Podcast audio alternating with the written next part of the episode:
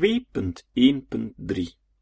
De bedrijvigheid Het oogsten De oogsttijd hoogtepunt van werkactiviteit en van voldoening. Graan, daar draaide het uiteindelijk om. Brood op de plank.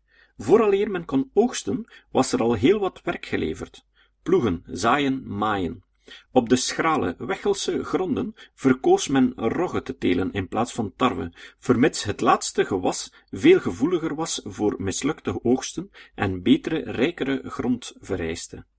Het oogsten van rogge gebeurde van 25 tot 30 juli en van 1 tot 10 augustus.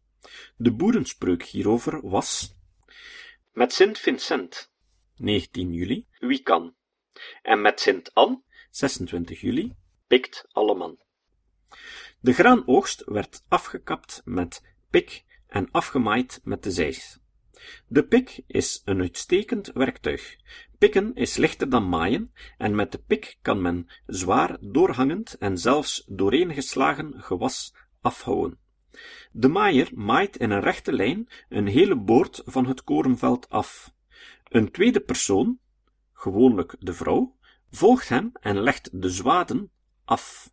Dit is verzameld met een haakvormige stok de afgehouwen halmen en legt ze in de stoppel. Een derde persoon bindt de zwaden tot schoven. Dikwijls is er nog een vierde persoon die de banden gereed legt. De schoven worden dan in groepjes gestuikt en bijeengebracht. Daarna werd er met vereende krachten gewerkt om de oogst in de schuur te krijgen. Er was volk nodig bij een oogst. Een doek van Frans van Giel toont ons het opzetten van een graanmeid op de korenakker. Vooreerst werden de garven op de wagen geladen om vervolgens, eens de schuur vol zat met graan en hooi, de garven in een meid op te stapelen. We merken aan de wagen dat er botterikken op staan. Een manier om alles op zijn plaats te houden. Het laden van een wagen zonder deze steunbalken was geen sinecure. Het getuigde van vakmanschap, en het was een van de geneugden van de boer dat hij met een zwaar beladen wagen vakkundig gestapeld van de akker naar zijn hoeve kon rijden. Vermits oogsten in die tijd totaal anders gebeurde dan vandaag, het hooi, het koren moest kurkdroog zijn om het te kunnen bewaren, werd er van mooi weer geprofiteerd om alles zo snel mogelijk binnen te krijgen, en daarom was het door de kerk toegestaan om zondags bij dreigend onweer de oogst binnen te halen. De pastoor verleende dispensatie van op de kansel, en na de vroegmis trok men dan met z'n allen naar de graanakker. Normalitair was zondag een rustdag ter ere van God en moest elke gelovige afstand nemen van zijn werk. Er stonden op de akkers hooi en stroomijten, omwille van het plaatsgebrek in de schuur.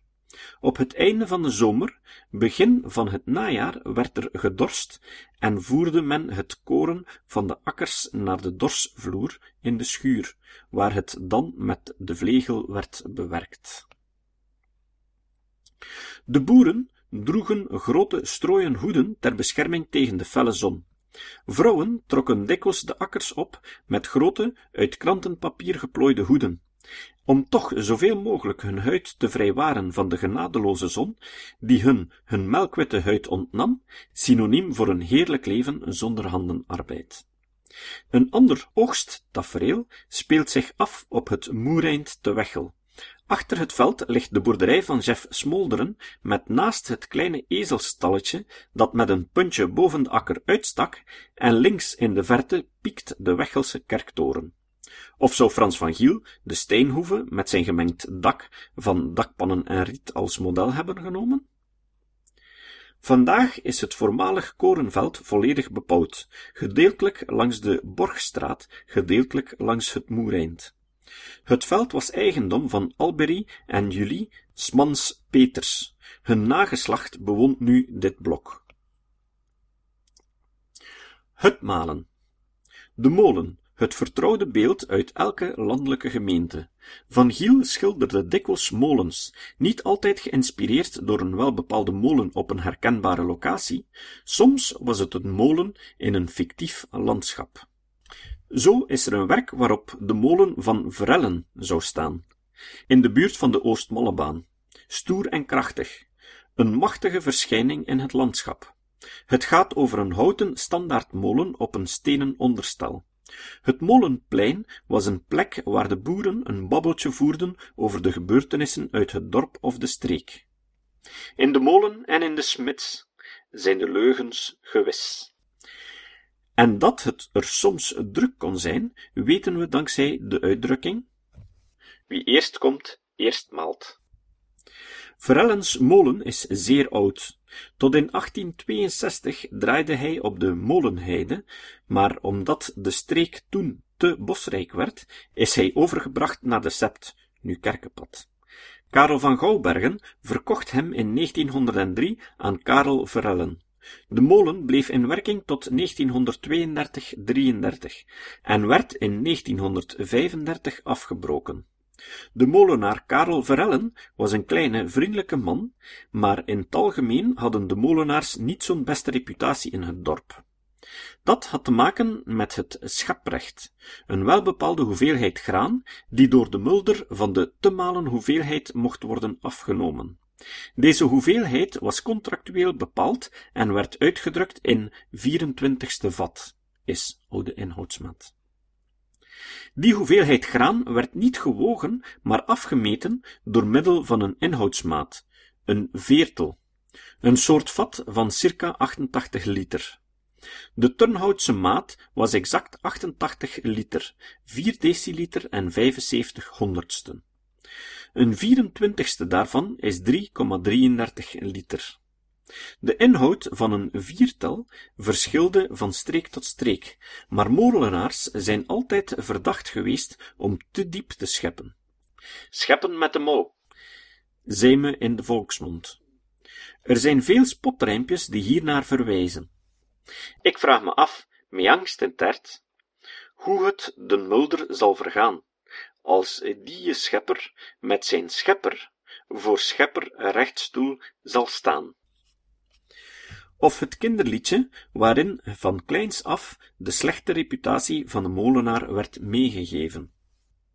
Maalder, maalder, korendief, grote zakken heeft hij lief, de kleine wil hij niet malen.